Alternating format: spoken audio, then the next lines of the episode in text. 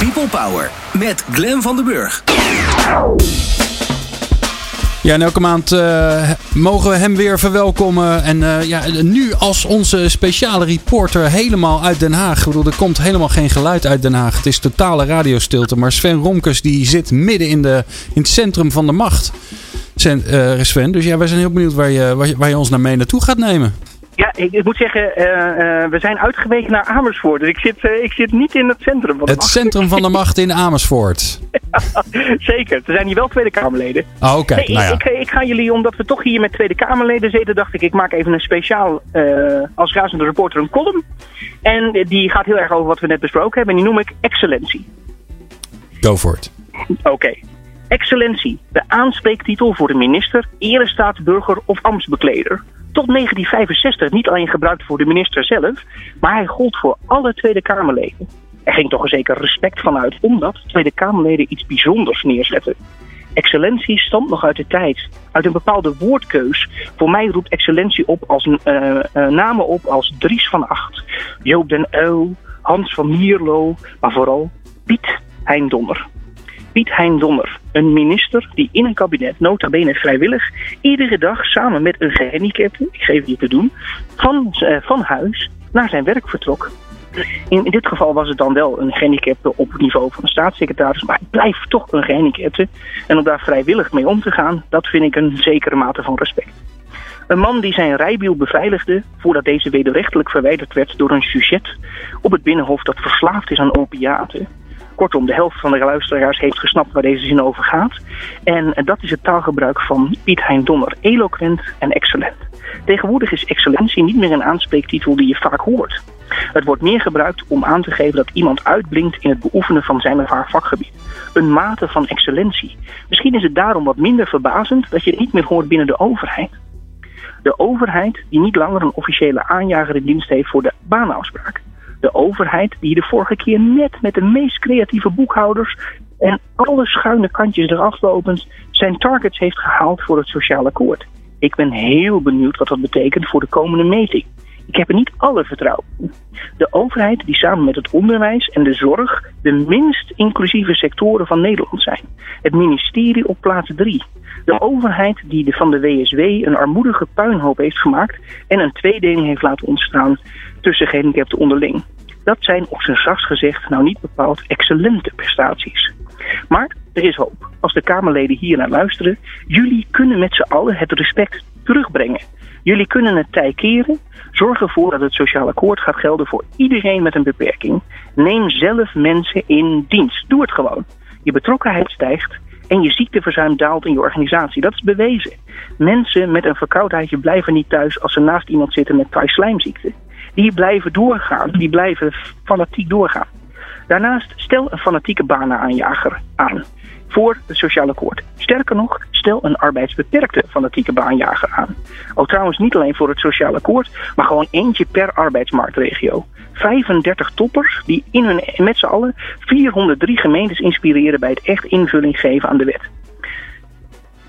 Maak deze wet leuk, inspirerend en de moeite waard. Zoals we in 1918 aan het begin stonden van het echt serieus nemen van vrouwen op de arbeidsmarkt, staan we een kleine honderd jaar later aan de vooravond van een inclusieve revolutie. En Kamerleden, lukt jullie dit allemaal, dan buigen we diep en spreken voortaan alle kiezers in Nederland u aan met uw welverdiende eretitel, Excellentie. Hij is weer prachtig, Sven. Hartstikke mooi. Nou, uh, zijn excellentie, de heer uh, Romkes, uh, dank voor deze fantastische column. Ik vond hem zeer eloquent. Ik ga straks eens even opzoeken wat het betekent. Maar volgens mij kan, er, kan er wel mee aankomen in de, in de, in de kroeg. Geweldig. Dankjewel Sven. Heb je, heb je ze deze ook laten horen? Heb je die Tweede Kamerleden dit ook net voorgedragen? ik heb net deze voorgedragen aan de Kamerleden die erbij waren. Om te horen wat er allemaal verbeterd kan worden. En waar de kansen zitten voor deze wetgeving. Nou, fantastisch. Er is nog een hoop werk te doen, laten we maar zeggen. Uh, zeker weten. Dankjewel Sven. Ik spreek je volgende maand weer. Joe. Hoi hoi. Ja, um, uh, wat, uh, wat gebeurt er dan? Hè? Zo, dan hebben we zo'n fijne columnist in de, in, de studio, of in de studio. Die belt in in de studio. En ondertussen zitten we hier met uh, Artie de Neré en, en Annette van Waning. En, en ja, mensen die het gewoon doen. Hè? Ik bedoel, Nou ja, wat wel interessant is, hè, dat, dat uh, Sven zegt van uh, laat, ze, laat werkgevers er vooral in hun bedrijf um, meedoen. Als iedereen er één doet, nou dan hebben we het probleem, als het zo moet betitelen, opgelost. Nou, daar hebben we het natuurlijk over gehad. Dat het, uh, nou ja, het, toch op een bepaalde manier in de dagelijkse praktijk ook wel anders zit. En uh, ik denk dat er, uh, dat, dat er zeker wel meerdere wegen zijn die naar Rome leiden. Dat er voor bepaalde mensen met bepaalde beperkingen zeker de oplossing van Sven uh, recht doet. Maar dat voor de doelgroep waar Arthur mee werkt. Um, dat zeker niet de oplossing is. Ja. En dat is denk ik ook wel het, het lastige van dit hele uh, veld. Dat er zoveel verschillende mogelijke richtingen en oplossingen zijn. Uh, waarbij we natuurlijk een, te maken hebben met een, uh, een, type wet die ook niet helemaal lekker functioneert. met ambities en doelstellingen die nou, wel heel erg mooi worden uitgesproken. Maar de haalbaarheid daarvan ook gewoon eens tegen licht moet worden gehouden. Want je kan wel heel leuk zeggen we halen het. Maar het gaat wel over de kwaliteit van, de doel, van, van, het op, van de oplossingen. En liever niet halen, maar wel kwalitatief goed dan een half bakken oplossing. In, ja. in het kader van de koekjes. Het worden heel snel cijfertjes. Hè? Dat, ja, uh, dan, en ik denk dat het volgens veel meer gaat over wat is nou het resultaat voor de doelgroep en wat, welke impact heb je, bereik je daarmee. En uh, dan, dan heb ik meer vertrouwen in uh, initiatieven zoals de koekjesfabriek, die gewoon echt het verschil maken. Ja. Arthur, um, jij, bent, jij bent hier ingerold gevallen, uh, half tegen beter weten in. En uh, zelfs nadat je nee had gezegd tegen het meedenken met, met, een, met een zorginstelling. Nou, je zit er nu middenin. een gewone ondernemer, tenminste dat was je. Je was een gewone horeca-ondernemer, voor zover gewone ondernemers überhaupt bestaan. Maar nu ben je ineens een sociaal ondernemer geworden. voor alle ondernemers die dit horen, wat, wat wil je ze meegeven? Heb je, heb je tips voor ze om, om, om als je hier iets mee wil doen?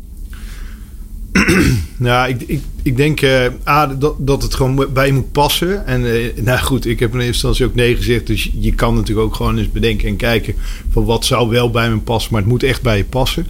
Uh, en waarom past het bij jou?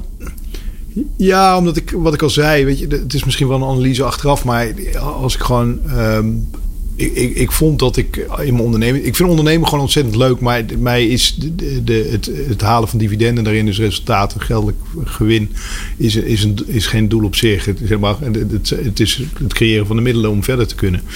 En um, uh, dat, uh, ja, dat, dat, dat is mijn manier van ondernemen. Maar kijk, heel veel mensen, en dat, dat, dat respecteer ik ook ongelooflijk, is uh, die zetten een heel mooi bedrijf op en laten dat langzaam maar zeker groeien. En dan als ze 65 zijn dan, of 70, dan verkopen ze dat. En als je zo'n soort bedrijf opzet, zo'n soortig bedrijf, dan uh, als je dat sociale wil maken, wat vaak. Het punt is weer vergelijking met diezelfde Chinese economie. Dat uh, mensen beginnen vaak naarmate, misschien ook wel wat ouder, maar vaak ook uh, op het moment dat ze het eigenlijk ze meer de ruimte krijgen om zich te druk over te maken. Ook te kijken van hoe ga ik nou mijn bedrijf wat socialer maken. Dus dan, dan worden ze toch in mijn optiek in ieder geval ook uh, sociaal ondernemers. Uh, alleen is die, dan loopt die onderneming al. En daar hebben wij toevallig ook uh, een paar weken geleden een keer uitgebreid over gehad. Het, het is heel moeilijk om een bestaande onderneming te draaien naar een sociale onderneming. Dus mijn devies zou dan zijn: zoek meer om je heen om samenwerking op te zetten met ondernemingen die eh, eh, vanuit de grond af aan als sociale onderneming zijn opgezet. Dus wat in de genen zit.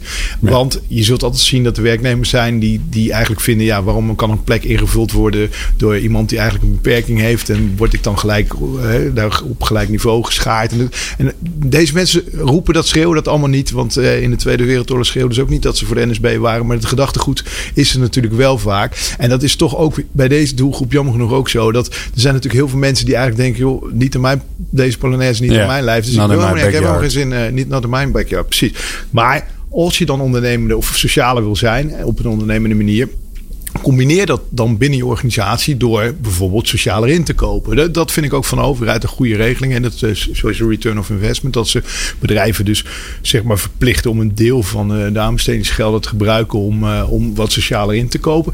Alleen dat is weer, wat, wat ik net, net ook hoorde zeggen, weer veel te veel beperkt. Dus allerlei, waardoor het voor sommige mm. bedrijven nagenoeg onmogelijk wordt gemaakt om, om er ook daadwerkelijk aan te voldoen. Maar nee, dat, dat is meer een invulling. Maar als sociaal, als je wat meer. Ik denk dat het belangrijk is dat we allemaal. We hoeven niet allemaal sociaal ondernemer te worden. Want dan weet je, hetzelfde als heel Nederland zou gewoon ondernemen. Dan, dan had ik het ook een stuk zwaarder. Ja, dan gaat er niemand meer werk doen. Nee, dan werkt er ook niemand meer.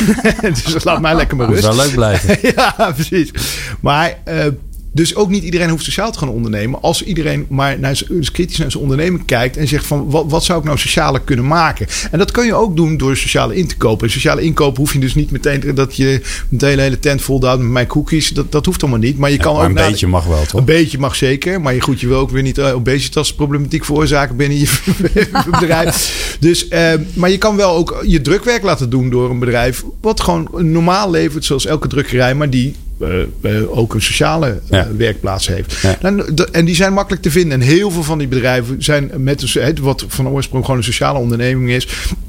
Die, die, uh, die produceren en die uh, maken alles precies net zo goed als de, de concurrent, zeg maar. Dat hebben ze ook als ambitie. Ja. Dus als je daar wat kritisch naar zou kunnen kijken, dan, dan denk ik dat je, dat je veel onderneming sociaal kan krijgen. Mooi dus tip. Ja, dus, mooie tip. En stel je nou voor hè, dat iemand luistert en die denkt: ja, mijn, mijn, al mijn medewerkers zijn zo afgetraind, er kan wel een koekje bij. Waar kunnen ze informatie vinden over jouw lekkere koekjes? www.dekoekfabriek.com. Nou, en, en nu al aanwezig in Utrecht?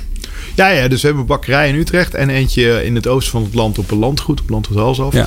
En, en, we zijn er dus nu één in Arnhem aan het openen. Die gaat 1 juli open en één in Breda. En uh, nou, we hebben dus zijn voornemens om de komende 2,5 jaar voor 2020, als de nieuwe rijksbegroting op de zorg bekend worden, uh, zover te zijn dat we nou, toch een deel van een PGB-gelden kunnen aanvullen. Hopelijk op een fiscaal vriendelijke wijze. En uh, ook een deel van de begeleiding kunnen gaan betalen. Mooi. Dus elke groep krijgt uh, begeleiding. En als we 10, 20, 30 procent van de loonsom van zo'n begeleider of steur kunnen overnemen, dan maken we de onderkant van de zorg natuurlijk goedkoop. Hartstikke mooi. Arthur Neré, dankjewel. Tijd zit erop. Net van Waning, bijzonder dank. Fijn dat je er uh, was. En, uh, en, en lekker, lekker stil door Arthur zijn nee, verhaal. Ja, Hartstikke goed. Ja, nee, dan is er weinig aan toe te voegen. Volgende week een lekkere gevarieerde uitzending met allerlei mooie columns. Weer een doekensduik erin. En um, ja, fijn dat je luistert. Drie uur spreken we je weer. People Power met Glen van der Burg. Meer luisteren? people-power.nl